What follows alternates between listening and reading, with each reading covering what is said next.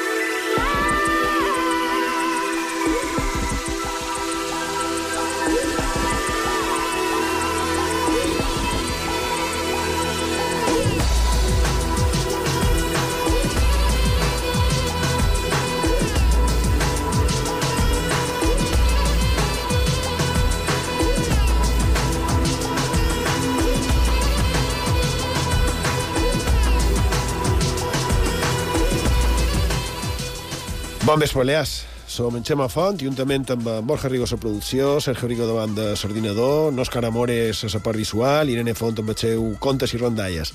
I en Miguel Soler, en els comandaments tècnics, vos donant la benvinguda a l'edició 454 d'aquesta trobada radiofònica anomenada Font de Misteris.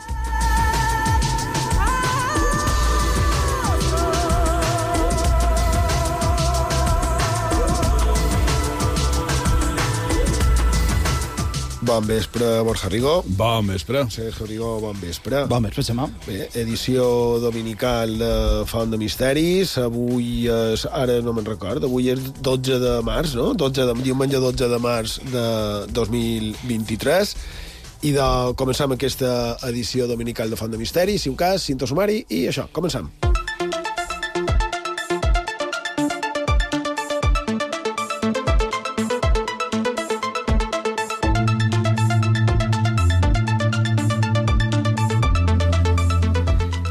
En aquest programa 454 de Font de Misteris tindrem un poc de tot, un pica-pica. Començarem amb una llegenda urbana, la de Charlie McCarthy. Què hi ha darrere d'aquest ventriloc?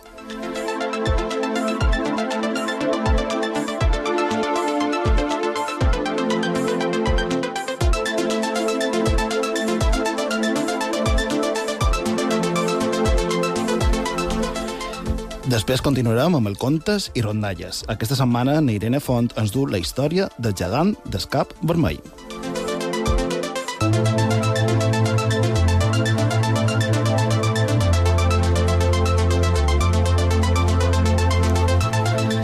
I després seguirem amb més gegants. Coneixerem un gegant basc i altres històries de gegants de les Balears.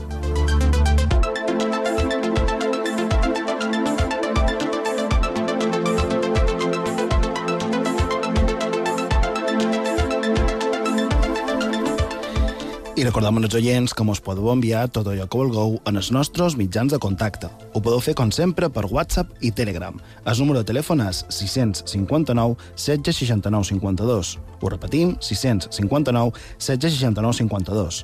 També per correu electrònic, fontdemisteris arroba ivetresradio.com fontdemisteris arroba ivetresradio.com També mos podeu seguir a les xarxes socials. A Facebook i a Twitter ho podeu fer cercant Font de Misteris. També a Instagram, allà mos podeu cercant Font de Misteris i Vitres. I si voleu podeu recuperar tots els nostres programes d'aquesta onzena temporada i de les anteriors.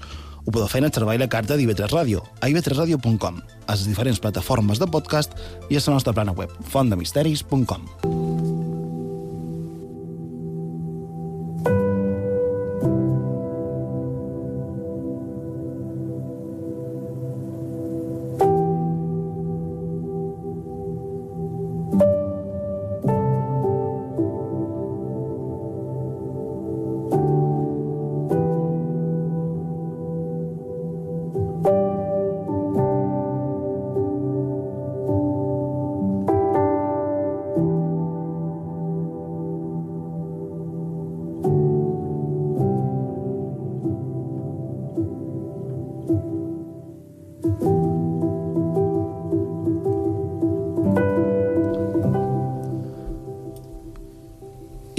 aquest pica-pica que has dit abans, que m'ha sorprès molt això de, de pica-pica...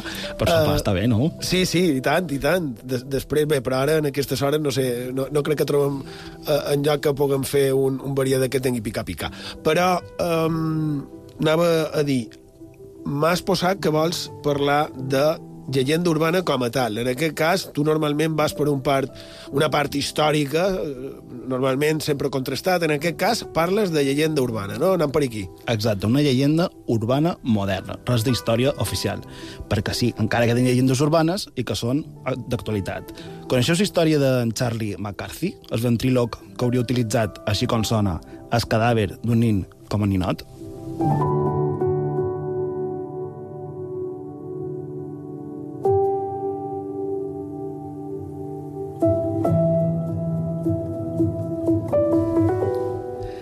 idò que Charlie McCarthy va ser un ventríloc que se va fer famós al 1920 per causa del misteri que ocultava el seu ninot anomenat Edgar, així com la forma misteriosa a la qual va morir. El seu espectacle era bastant simple i el representava a Nova York. Només un sol personatge, un nin de 9 o 10 anys amb un aspecte estrany.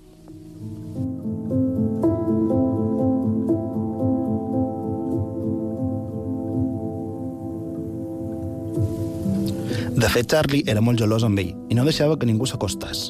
Només ell podia tocar-lo i guardar-lo.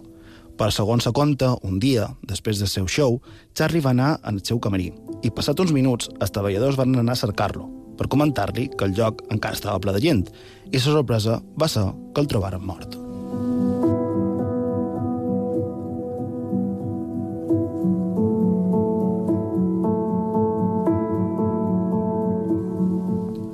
McCarthy estava mort, en terra, amb el romput, amb diverses ferides i sense ulls, i a de vora, el seu ninot, Edgar, en el seu baúl.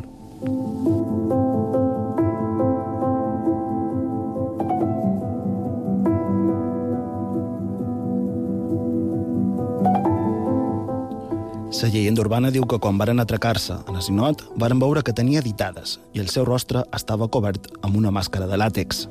Mai se va saber la identitat del ninot, però es diu que es tractava del seu fill mort, i Charlie l'hauria convertit en això, en un ninot.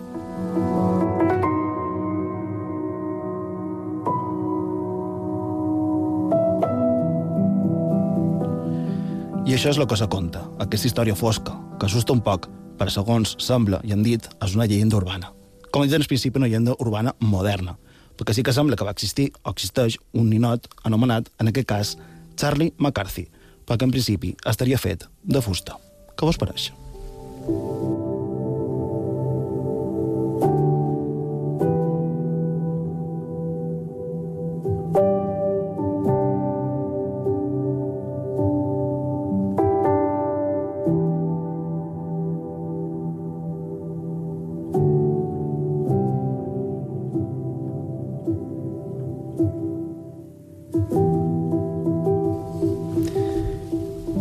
de què m'apareix? I jo personalment, després veurem en Borja que li ha semblat, però allò com a llegenda urbana molt xula, evidentment que sí, mm, però com a, com a història estic content que haguis fet l'aclariment en el començament, no? Perquè com a història realment és, és molt estrany, perquè no sé d'on l'has treta, però en aquest cas el que, el que sí és segur és que en els anys 30 hi havia un ventríloc que es deia Edgar Bergen i que tenia un ninot que es deia Charlie McCarthy, que, que era el nom que, que, que en Edgar li havia posat en el, en el seu ninot.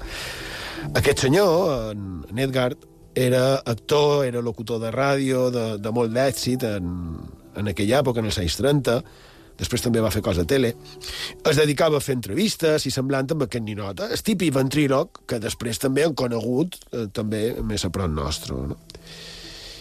I bé, allò, personalment, el seu nom me sonava, i ara vosaltres direu, ah, principalment tu segurament, Borja, i d'allò el seu nom me sonava de quan la Guerra del Mons, de l'original, de la de Orson Welles, des del Teatre Mercury de Nova York, l'any 1938, perquè per culpa d'aquest show del ventríloc varen estar a punt de llevar-li el programa en Wells, per manca precisament d'èxit per la competència, no? perquè en aquell temps, a la ràdio, eh? també hi havia el tema de les audiències. Però hi havia justament, no sé si perquè a un moment determinat estava entrevistant a qualcú sense massa interès, o bé perquè va passar publicitat, en Wells es va fer famós perquè va coincidir just en el moment que molta de gent va fer una mena de zapping radiofònic, no? I va coincidir en el moment en el que era, en el programa de Norson Wells, el noticiari que en aquell moment quedava descontextualitzat i que deia com a notícia que els marcians invadien la Terra i així comença la fama de Norson Wells i també, en aquest cas, una llegenda urbana.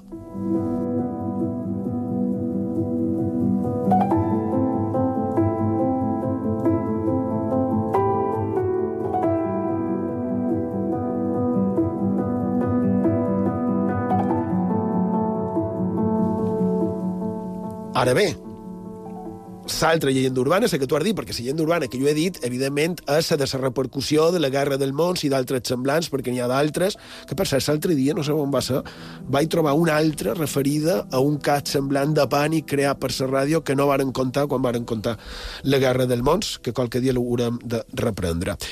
I de queixa que tu dius, no, quina, quina cosa, eh? que, que més s'ha repetit sovint, això de dir que un ninot, una, una estàtua, una pepa i, i coses així tenen a dintre eh, a part de tenir com a ànima o, o fins i tot d'estar posseïts, podríem dir, per, per les forces malignes, etc.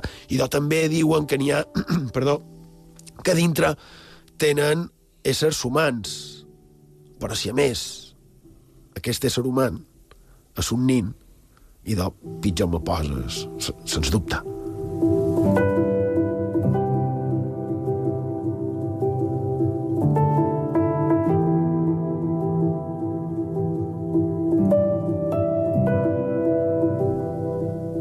Però què ha de ser darrere d'aquest ninot d'en Charlie McCarthy i del seu creador, d'en Edgar Bergen, que més, en el principi, després ho has, ho has, has, has explicat que en Charlie McCarthy com a tal existia aquest ninot, no? Però en el principi aquesta llegenda urbana que tu has contat, que no sé de bon estret, sí que confonia una miqueta, crec, els noms.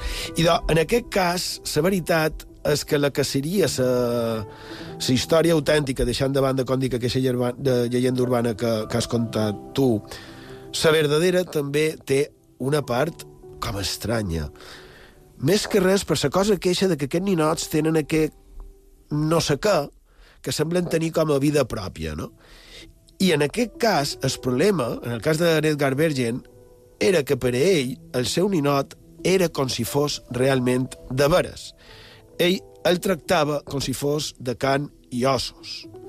I un dirà, no, però els ventrílocs normalment fan això. Sí, és cert, és vera.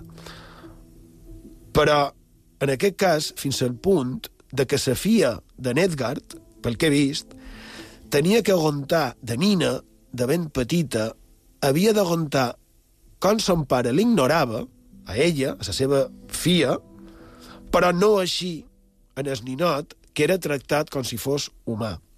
Mos hem de posar en situació, eh?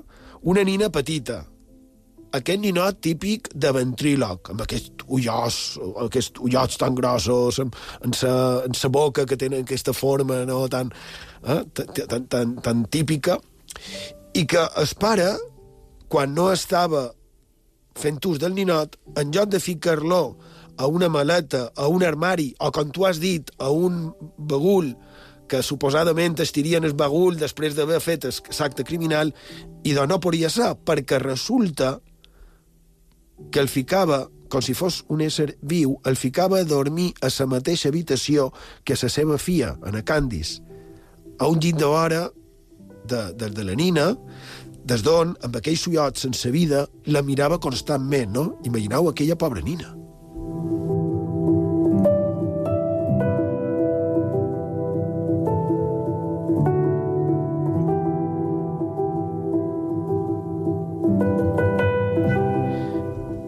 I això sembla que sap perquè aquella nineta, na Candice Bergen, a dia d'avui és una senyora que té 76 anys, que és actriu, que ha fet pel·lícules importants, com, per exemple, Gandhi, la famosa Gandhi, ella era una de les actrius, eh, ha fet feina amb en Jack Nicholson, etc. No?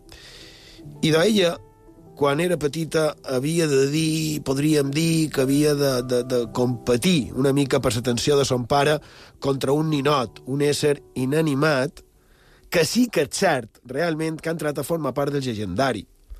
Però que, com has indicat un final, és ben real, és totalment real, perquè, de fet, a dia d'avui, en Charlie McCarthy, el ninot original dels anys 20, es troba a un museu a Washington, en el Museu Nacional d'Història Americana, i el tenen allà assegudat, guaitant, mirant com passa el temps, esperant tal vegada una altra que el pugui tornar a la vida.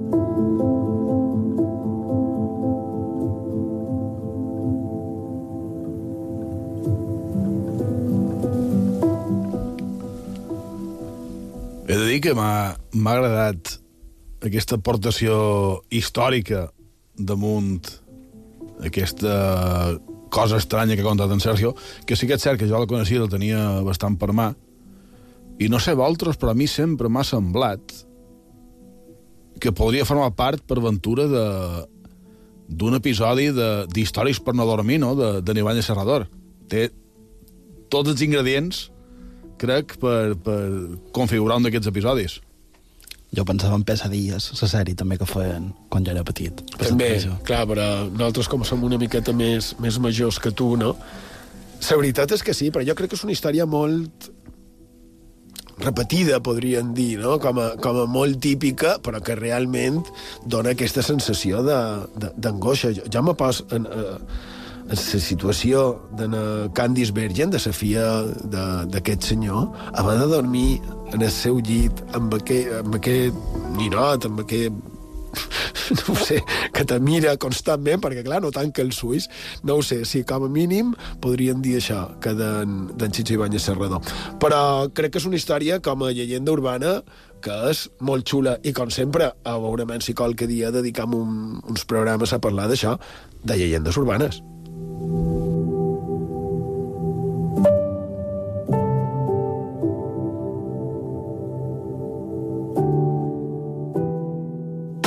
IB3 Ràdio. 18 anys amb tu.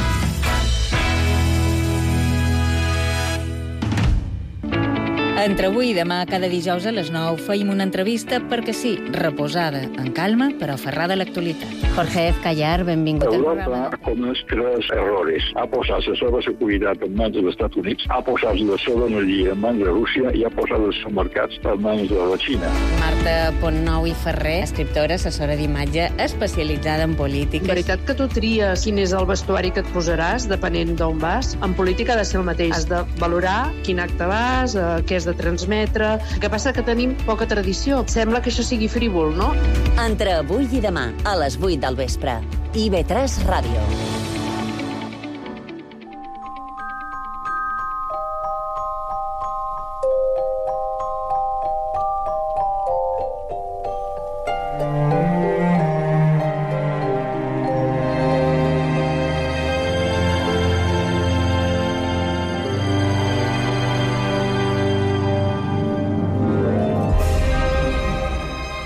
Seguim a Font de Misteris, a sintonia d'IV3 Ràdio, la ràdio pública de les Illes Balears, a Menorca mos podeu trobar en el 88.6 de la freqüència modulada, i aquesta sintonia vol dir que anem ara en la secció que nosaltres anomenem Contes i Rondalles, on Irene Font cada setmana mos du això, qualque contarella, qualque rondalla, llegenda o el que sigui que li hagi pogut cridar l'atenció.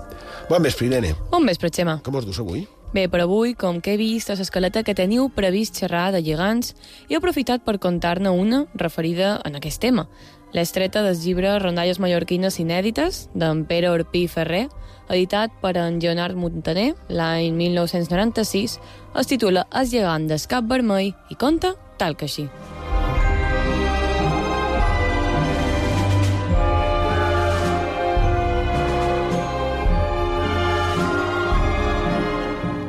Altre temps d'haver l'escap vermell i capllevava un llegantot que tenia malls arrambatges.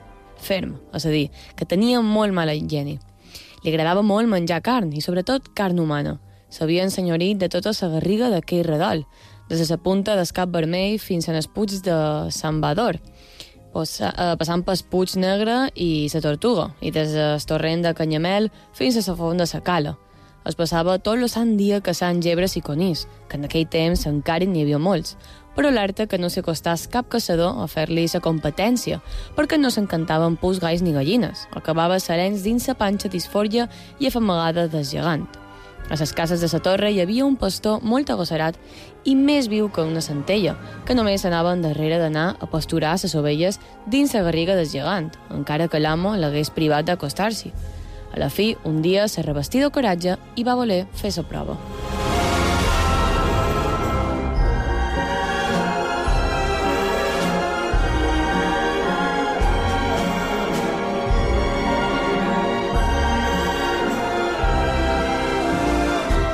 dugué la guarda cap allà i les ovelles, que anaven ben primes de panxa, al punt es posaren com unes xeremies. Quan estigueren ben redones, el pastor se les va dur cap a les cases i va anar ben alerta a dir a l'amo que les hagués duites a pasturar dins els dominis d'estamut gegant. El sendemà tornà a fer el mateix i les ovelles tornaren a pagar una penjada de pronòstic. Tan gèpol em va quedar que el tercer dia hi torna. Quan la guarda ja començava a estar bé de panxa, de cop es posa a fer brusca.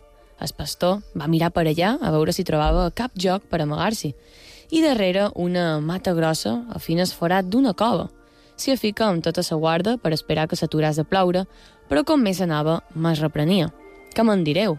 Ell, al punt, sent renou de passes, i va ser gegant que també va anar a cercar refugi dins aquella mateixa cova, on hi tenia escau.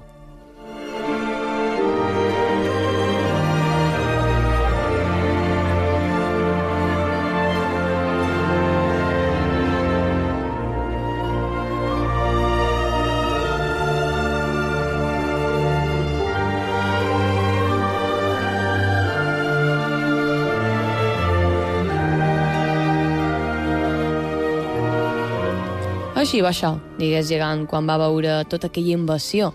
Com t'has atrevit a posar els peus dins la meva barquera? Jo t'assegur que et sortirà ca, perquè entre tu i sa guarda tindré menjar a voler per tota la setmana.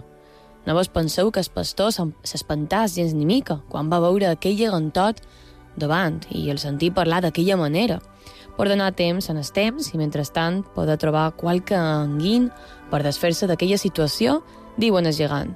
Mireu, jo fins ara he passat molta rusca i només tenc sa pell i els ossos. En lloc de menjar-me tot d'una, vos convendria esperar un parell de dies. I entretant me podríeu engreixar, a veure si m'apullen una mica ses popes. Per començar, podríem torrar una vella i menjar-la-mos, entre tots dos, i així vos trauríeu el ventre de gana i jo començaria a augmentar de pes. El gegant va trobar que havia parlat bé. A un racó de sa cova hi tenia tot lo necessari per fer sa torrada agafen l'ovella més grossa de la guarda, li fiquen una ganivetada, li lleven la pell, l'escorxen, la trosseguen, encenen foc i comencen a tirar bocins damunt el caliu, girant-los girant amb les molles perquè es torressin bé de cada banda. Tots dos feren una, un bon cap de taula, sobretot el gegant. Deixaren els ossos ben pelats, a punt de donar en escar, el pastor va treure un barrelet de vi que duia fins a taleca. El gegant se'l va posar en el cap i se'l va beure sencer, fins que no en quedà ni gota. Feia estona que el gegant no havia pegat una penjada tan grossa i tan saborosa com aquella. Entre el que havia menjat i el vi, començà a entrar-li xubec i a, i a rodar-li el cap, i se va lleure entrevessat en el portal de la cova, perquè el pastor no pogués fugir. El punt va estar més adormit que un tronc, amb uns roncos que feien resplendir tota la cova. Per enganar el pastor, dormia amb els ulls oberts, però no vos penseu que l'enganàs, ni prou fer-hi.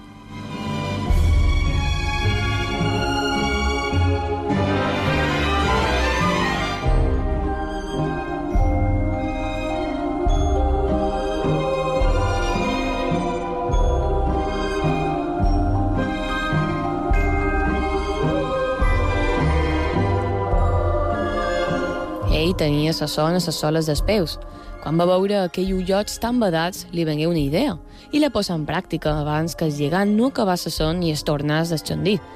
Agafa les molles i les penja dins el caliu que quedava, fins que les puntes varen ser ben vermelles.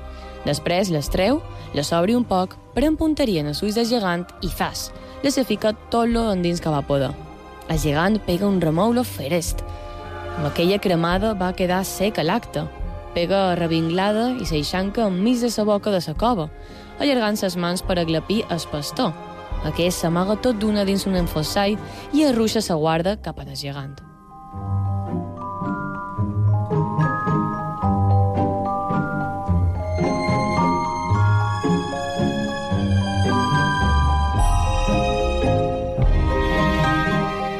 Paupant, paupant, el gegant toca l'esquena d'una ovella i la deixa sortir, dient «Passa, tu que tens llana». Segueix paupa qui paupa, troba una altra ovella i torna a dir «Passa, tu que tens llana». Així anaven passant les ovelles d'una en una, perquè el que volia el gegant era llevar no ses d'enmig i quedar tot sol amb el pastor per fer-li-s'hi pagar totes plegades. Quan ja n'havien sortides de ves la meitat, el pastor s'embolica la pell de l'ovella morta i s'acosta de grapes a l'entrada de la cova, el gegant allarga la mà, toca la llana i també diu «Passa, tu que tens llana». El pastor surt fent «Bé, bé». Quan va se'n fora, se lleva la pell d'ovella i comença a cridar «Jo que som pelat, així mateix som passat. Jo que som pelat, així mateix som passat».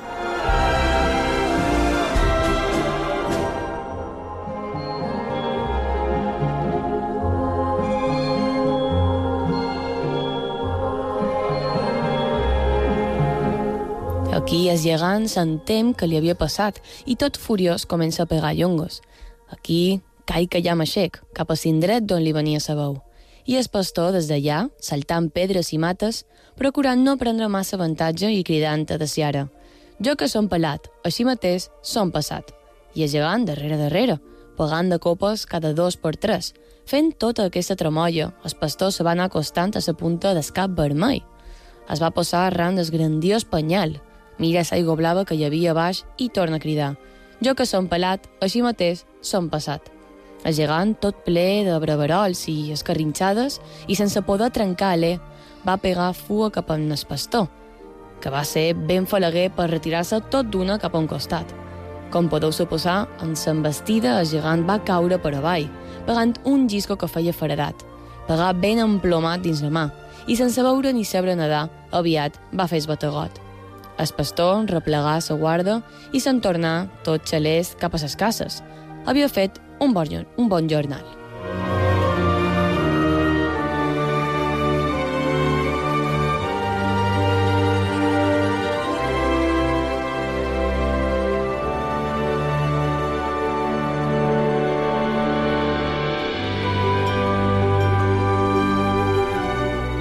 Si qualque dia passau en barca per baix del cap vermell, tal vegada vos semblarà que les zones, en pegar a les penyes, fan un remor que pareix un gegant que graponeja. Però no tingueu por, que maldament sigueu pelats, així mateix passareu, com aquell diantre de pastor que alliberà per sempre a la comarca de les arpes del gegant del cap vermell.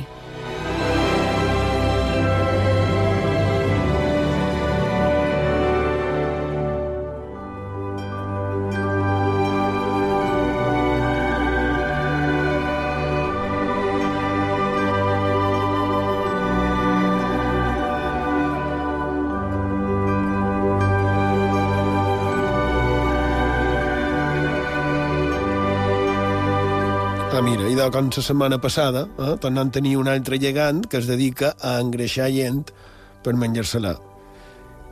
I també, com la setmana passada, tenim que mos trobam el que podrien dir que són certs detalls mm, no massa correctes, segurament, a dia d'avui, eh? amb aquesta darrera onada d'intents de, de, de canvis. Eh? No, no, no crec que passassin el que varen comentar de la censura actual. Mm, en qualsevol cas, el tema d'avui no aniria per aquí. El tema seria... La pregunta que mos podem fer és per què aquesta cosa dels gegants, no, Irene? Uh, imagino que tot allò que no tenia resposta, com les restes ciclòpies, eren atribuïdes a éssers amb, amb capacitats sobrenaturals o amb una mena de, de supercapacitats. I si a més li afegim trobar segons quines restes, per a ells, pels, pels antics, ja no era una, una suposició, devia ser una evidència. Fins i tot la, la toponímia ens ho deixa ben clar. Per exemple, la cova del gegant, a prop de, de la cala de Sant Vicenç, la de Mallorca, a Pollença. En aquella, de fet, crec que és eh, on s'hauria trobat, segons l'historiador Vinimelis, les restes d'un gegant. Amb això suposo que era fàcil deduir la seva antiga existència, no? I doncs sí.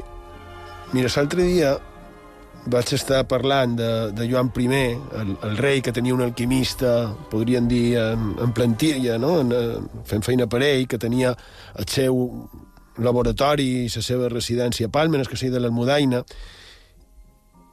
i de un rei, en Joan I, que li agradaven les coses estranyes, i de li varen dur precisament una cama de, de llegant.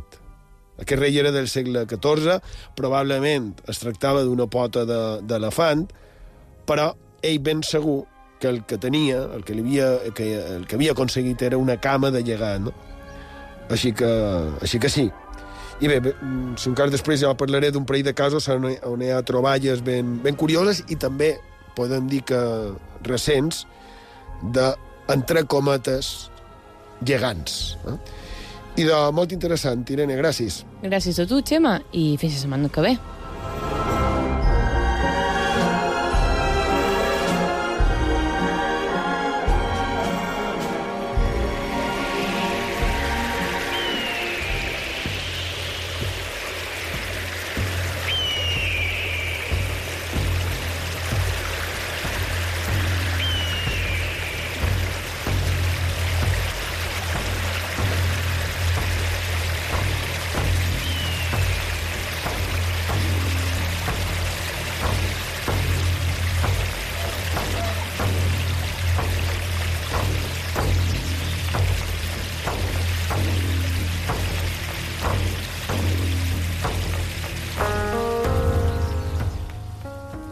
En Borja, dins la uh, mateixa línia aquesta que, que m'ha agafat ara dels gegants, vol dir la seva. I de... Endavant, Borja Rigo. I doncs, si voleu, anam en el primer terç del segle XIX, concretament eh, l'any 1818. En aquells dies va néixer en Miguel Joaquín Eleizegui, Arteaga, i ho va fer en el petit llogaret basc de. Va ser el quart de nou germans i la seva infància va ser en principi normal, sense cap sobresalt, excepte tal vegada la mort de sa mare quan tenia en Miguel solament 10 anys d'edat. Si bé, tal succés, encara que dramàtic, tampoc desentonava gaire en aquells dies. Se sap que la seva primera joventut també va discórrer sense novetat aparent, excepte anar a missa amb freqüència, fer feina, juntar-se amb els seus i jugar a pilota basca. Però això va canviar de sobte, podríem dir de la nit en el dia, quan el nostre protagonista va arribar en els 20 anys d'edat. Va malaltir d'un mal desconegut i va començar a créixer desmesuradament.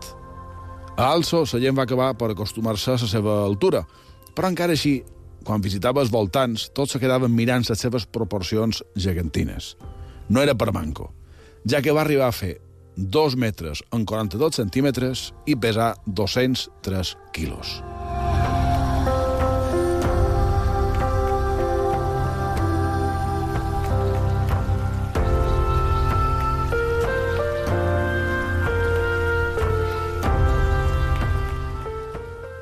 La seva envergadura també era descomunal, ja que fa igualment 2 en 42 metres des de l'extrem d'una mà a l'altra en els braços en creu, i els seus peus mesuraven ni més ni manco que 42 centímetres. Aquestes dades s'han pogut conèixer amb exactitud perquè a l'església de Sant Salvador d'Also encara persisteixen les marques que se van realitzar a Cisell sobre el seu cos, tant abans com després de les seves exhibicions. No estranyarà, supos que no, que un món fet a la mesura de gent normal a Miguel Joaquín se sentís incòmode, més encara quan ell només intentava d'una vida tranquil·la. Quan s'agenollava per confessar-se, el capellà havia de posar-se d'en peus per escurçar les distàncies. En anar a vendre llenya a sa, a sa veïna Tolosa, El seu bust sobresortia tant d'escarro que tots se quedaven mirant la seva imponent figura. Els que el van conèixer resaltaven el seu caràcter afable. També, però, la tristesa que emanava d'ell i, sobretot, la seva solitud. Hi ha alguns dels seus escrits on va arribar a autoqualificar-se d'engendre de la natura. Miguel Joaquín feia feina a les seves terres, ajudant son pare i els seus germans, i un dia en aquest se'ls va córrer una idea que canviaria per sempre la seva vida. Era l'època dels anomenats museus de 10 cèntims, que era el preu que havies de pagar com a espectador per, per veure aquests shows de, de rareses que atraen a, a milers de persones a mirar d'això, dones barbudes, eh, nans, éssers deformes i, per descomptat, gegants. Aquests espectacles estaven permesos perquè encara no se considerava en els seus protagonistes com a malalts. De fet, molts trobaven en això una manera de guanyar-se sa vida, encara que, evidentment, també hi havia episodis d'esclavitud. De,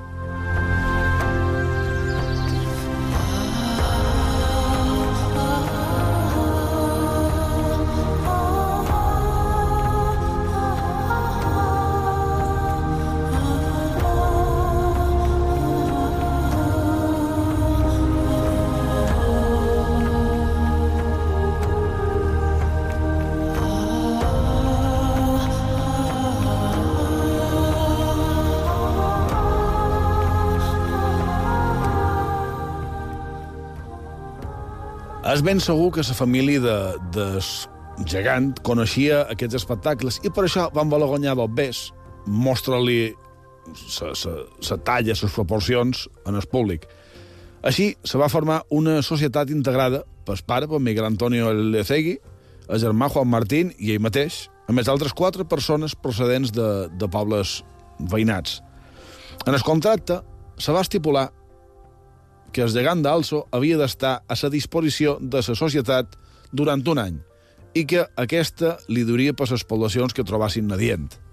A canvi, la societat lliuraria a la família tres unces d'or, li pagaria tot el tabac que demanés a Miguel Joaquín i no el podrien embarcar la mà sense el seu consentiment. A més, va fer una clàusula que provocaria posteriorment la dissolució del contracte. Se va concretar que la societat havia de permetre-li assistir a missa cada dia de precepte, sense importar aquell indret on se trobassin. De fet, això era una mostra de, de l'enorme devoció de la família Aleicegui.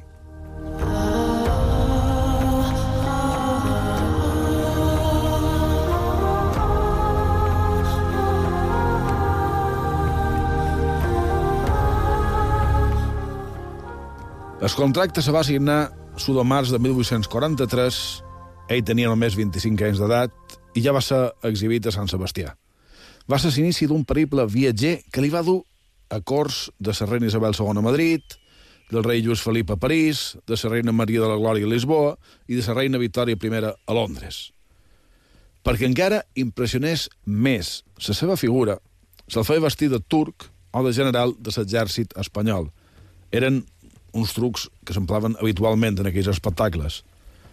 El nom artístic de Miguel Joaquín va ser el de gegant basc, si se, se feia l'exhibició dins, dins Espanya, o el gegant espanyol si se sortia a altres països.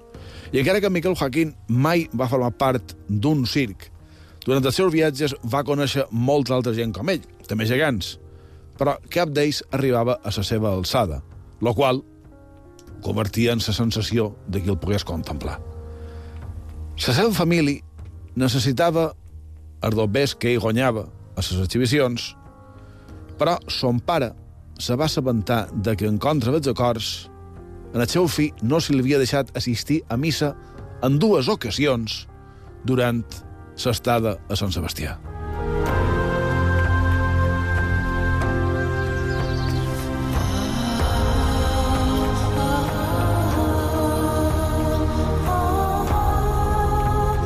Així, son pare va disposar de tot lo necessari perquè se posés remei en aquest fet mitjançant compensació econòmica o que se dissolgués directament la societat. El fervor religiós poria més que cap altra cosa. I a més, la família mai va estar contenta amb aquest tipus d'activitat que deien que denigrava el seu costat humà. D'aquesta manera, finalment va tornar a casa seva i va intentar tornar a la normalitat. Gràcies a lo que havien estudiat en els seus viatges, se va arreglar la casa i el gegant va poder viure durant un temps de fer feina en el camp. Però, a poc a poc, els dobbers anaven mancant i les necessitats augmentaven. Tant que se va sol·licitar per escrit a la Diputació de Guipúscoa una pensió o el nomenament de Miguel, de Miguel Joaquín perdó, com a porter de la institució, però la resposta va ser, diguéssim, freda. No hi havia cap motiu per a tornar-li ni una ni altra. L'empitjorament de la seva salut li va acabar deixant estès en el llit, on va morir el 20 de novembre de 1861. Estudiosos de la seva figura creuen que va morir de tuberculosi pulmonar acompanyada de nombrosos mals intens. Tenia 43 anys d'edat. A més, se va estendre la idea popular que assegurava que el gegant havia mort de fam, el qual era impossible, ja que aquelles famílies, malgrat no tinguessin massa recursos, estaven preparades per sustentar a grups de gent nombrosos. Però el mite se va estendre fins en el punt d'afirmar que el Miguel Joaquín era capaç de beure 23 litres de sidra cada dia i de menjar la quantitat de tres persones, dades que, evidentment, mai, mai varen poder ser corroborades.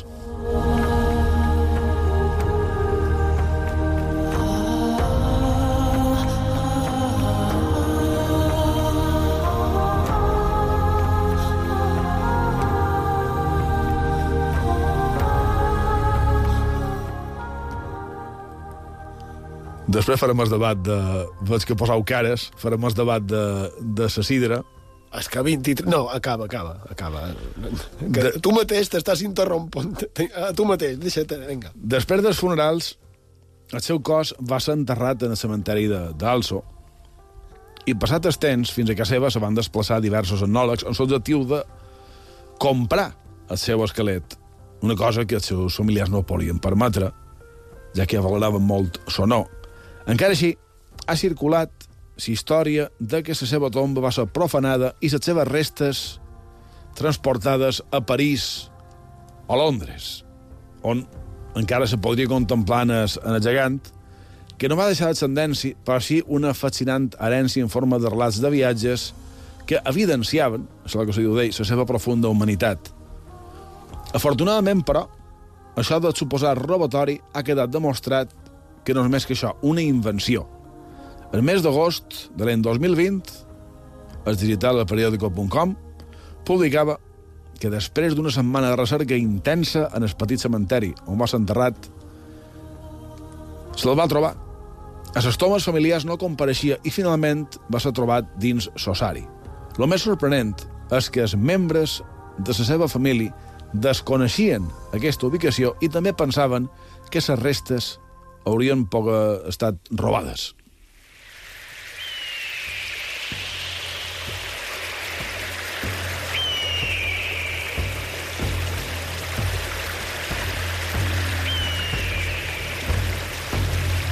Ma mare no sabia si també, com en vàrem estar parlant ahir, no sabia si mos trobaríem un altre cas d'un taüt buit. Veig, veig que no, cre... en aquest cas sembla que no. Anem amb el tema de, dels 23 litres de sidra. Mira, justament, avui he anat prenent notes, a mesura que has anat eh, parlant, en el rotulador vermell, he anat prenent notes, eh? que les tenc aquí. Has dit que aquest senyor tenia una, me una mesura de, o sigui, feia 2 metres 42 i que pesava 203 quilos. Si aquest senyor eh, bevia 23 litres, vol dir que bevia cada dia el 10, el números redons, el 10% del seu tamany. És a dir, que segons això, tu hauries de, de beure'te cada dia 9 litres de sidra. No té cap sentit. Ja n'hi ha. No té cap sentit, cap ni un. Saps què te vull dir? O sigui, ja beure-se un litre de sidra diari troc que seria molt, però és com si tu te'n venguessis això. Crec, eh? Jo crec que s'ha acabat el debat, no sé què penseu. No, debat, no. No ho sé. I més cidre, fos aigua. Ara, ara, Ara està, està cercant una informació. Sí, ho veig. Però no podem estar aquí cercant Però, informació. El els oients ho veuen. Parlant, parlant de... Són menys quart i de, t'has de, menjat. de, de gegant molt ràpidament, un gegant contemporani, André el Gigante, lluitador de lluita lliure i actor estones, va fer-se, no sé si proesa o no, de beure-se 44 litros de cervesa. I és notici. I, I és notici. I ho va fer com un excés. I ho va fer com un absurd. Jo dic que el que no feia aquest senyor era beure-se 23 litres de sidra diari perquè no hauria arribat en els 43 anys. Perquè la sidra està molt bona, però qualsevol abús és dolentíssim. I pot pesar 200 quilos, però que no. I medir el que tu vulguis. De totes maneres, la història, no hi ha cap dubte que està molt xula.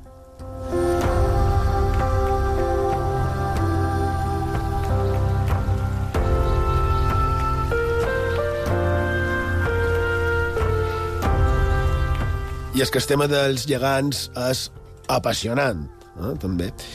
I, I, evidentment, també en referències constants dins el nostre llegendari, dins la nostra cultura. Clar, mos ho ha mostrat Nirene en els contes i rondalles d'avui, també en el de diumenge passat, i, bé, i a, i a d'altres.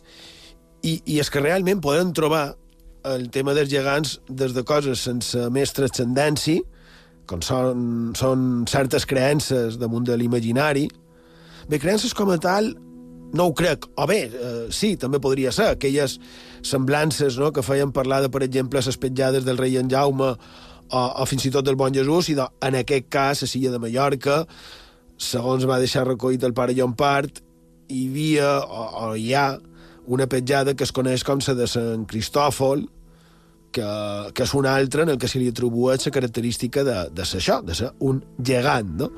I de, hi ha una petjada de més un metre que diuen que és una petjada seva, té aquesta forma, que en, en aquest cas de, de que, que, que tu has dit, que també ho havia, ho havia apuntat, ara hauria de trobar les notes, 42 centímetres cada peu, vas, vas dir, imagina't. Um, increïble, també, no?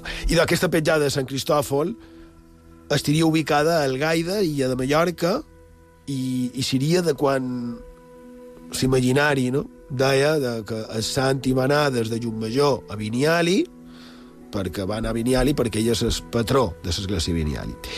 I a part d'això, seguint amb el tema de gegants, jo crec que una de les grans oblidades de les nostres illes referent al que és la història i la part més arqueològica, jo diria que és Formentera.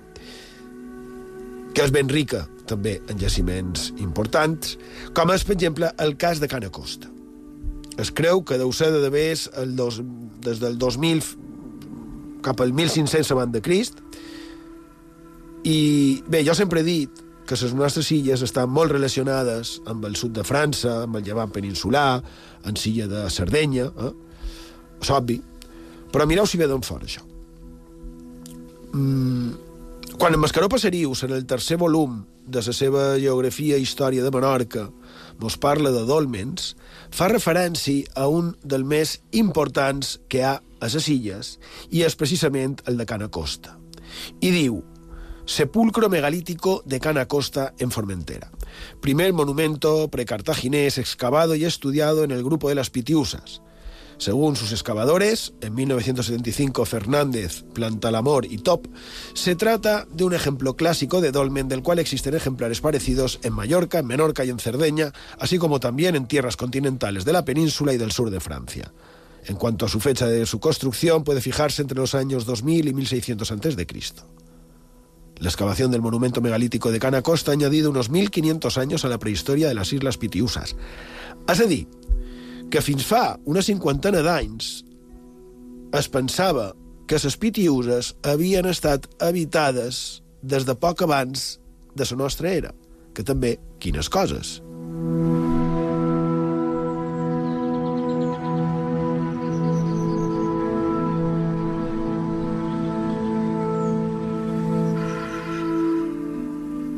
I el misteri,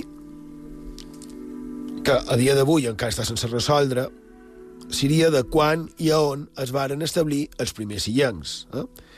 Encara que se pot dir que aquest descobriment de Cana Costa ve deixar palès que, per una banda, és anterior, com he dit, en el que es creia, i també que queda molt per saber, i que la història s'ha de reescriure, s'ha de reescriure sempre que faci falta. A més que, per exemple, en aquest cas de Cana Costa es pensa que era un assentament estable. Però anem en el que volia dir.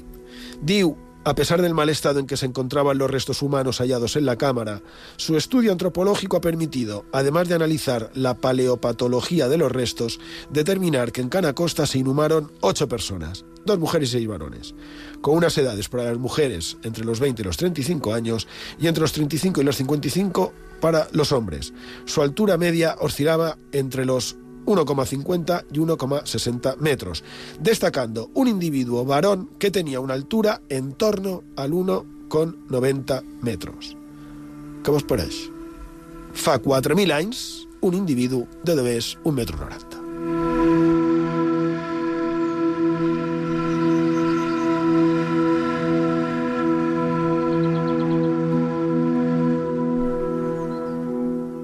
Clar, la pregunta aquí és evident. Com pot ser? Eh? D'on hauria sortit? I d'on responen. Probablemente debido a una enfermedad de gigantismo y o acromela, acromegalia. Mm? Això ho he tret de Història de les Baleares, que va ser publicada pel diari El Mundo, del volum 16 d'aquesta Història de les Baleares. Així que ja tindríem la resposta. Aquell gegant ho era per mort d'una malaltia que fa que es dispari l'hormona de creixement i que un segueixi cresquent i cresquent. I pot ser sí que sigui això. De fet, ho hem vist. Eh? Diu, probablemente debido a una enfermedad de gigantismo. I és que pels més pragmàtics havia de ser qualcú que patia això, gigantisme. Però, clar, aquí sempre està aquesta part, no?, que és Sabeu com es coneixen les antigues restes megalítiques de Sardenya? Tombes de llegants.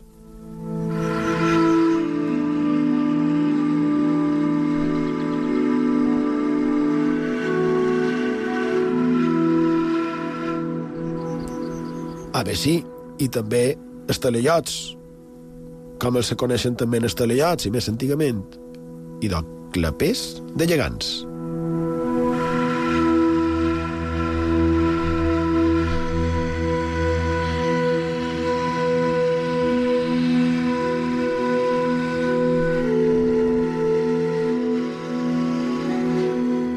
Crec que la propera setmana haurem de seguir, perquè vull seguir aprofundint amb altres restes a jaciments on s'haurien produït casos semblants de llegants.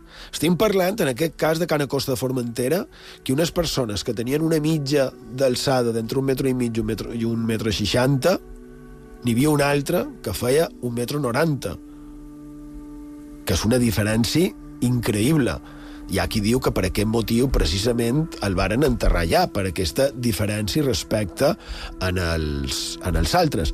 Però no ho sé, jo crec que si vos sembla bé, Lots, la propera setmana, no sé si dissabte o, o diumenge, podrien seguir una miqueta en, amb el tema aquest dels gegants, però d'una manera, podríem dir que real, com els que has contat tu, de Miguel Joaquín Eleizegui, com aquest de, de Cana Costa de Formentera, i d'altres que també hi ha a les nostres illes, com per exemple a Santa Maria del Camí.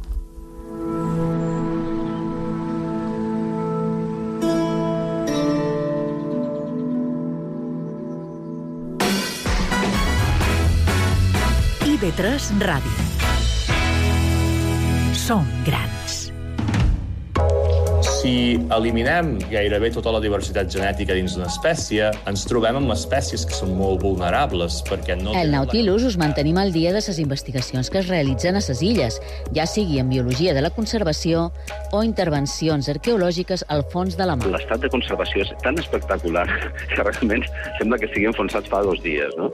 I al final la intenció és precisament aquesta, extreure el vaixell sencer del fons de la mar. Dissabte de 12 a 2, Medi Ambient i Ciència a IB3 Ràdio. El Nautilus, amb Cristina Manda Tur.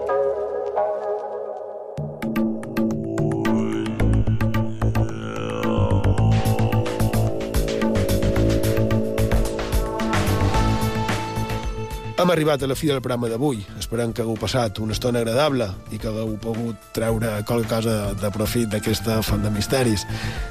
I clar, si hem parlat de gegants, com no havia de triar a queixa per a aquests acomiadaments dominicals. Tota una visió d'un talallot, de l'imaginari, de l'imaginació i, i, i de la fantasia, i en part també de la història. Recoman la seva lectura, la seva relectura. El manco per jo, jo crec que per a tots tres val la pena. I de, de la mà d'en Costa i Llobera, avui que han citat el, el nom, no? I de, el seu poema a un claper de llegants. Salut, claper de bàrbara grandesa que treus el pensament. Salut, o fita del vell món despresa, qui del segle s'afrontes la corrent. Com és grat a mon cor que el viure mida només amb son batut, considerat a colossal vestida que el comte de Centúria s'ha perdut. Qui et feu? Qui és ton nom? Quina mà forta terror que s'aixecà? Fou dels antics gegants la raça morta qui per memòria interna te deixà? Fores d'un déu caigut l'ara feresta famèlica de mort? Guardaves la memòria d'una llesta o bé la tomba del guerrer més fort? De vegades mir, no vens la llum del dia a la fosca del passat, més pot volar millor la fantasia pel bull meravellós de lo ignorat. Ja veig entre la boira llunyana dels segles primitius, damunt la terra pel diluvi blana, tribus sauvatges i guerrers esprius, i veig coberta de boscatge l'illa que en sagrada remor respon a la del mar, com una fia de sa mare respon a la clamor. Guaità m'assembla com la nit sagrada aquí, sobre tot mur, feia estremir la roja flamarada que font donava el sacrifici impur. I mir com puja la fatal foguera llegat un jovencel, i com un jai de llarga cavallera branda terrible son sagrat coltell. Més passa la visió, i altres se'n venen del dubte en la negró. Veig pobles que lluitant aquí s'estenen i sent de les bassetges la remor. I veig guerrers que mig desnús combaten damunt un caramull, mentre uns altres a ton peu s'abaten con les ones del mar contra un escull. Vei clapé, vei clapé, qui té canteres pogués ara llegir, qui enterrogar pogués tantes osseres que el llaurador remou i fa florir. Tu veus passar les races fent onades del temps en la corrent, immòbil com la roca que de vegades socava l'aigua del febrós torrent. Bé, i eres ja quan s'aparà primera alçava aquí el romà, hi ha mil anys que sa morta polseguera a tots peus la ventada arrossegar. I així veuràs passar la nostra vida i d'altres en veuràs. Caurà nostra babel ja derruïda i tu encara sobert t'aixecaràs. Per això ben que veure't algun dia, clapé mai derruït. Aquí, on sembla que el temps ja no fa via, pren millor sa volada de l'esperit. I per acomiadar-nos de la cantautora canadenca Lights, Giant, gegant. Allí Pau, bona nit. Gràcies per la vostra companyia i fins la setmana que ve.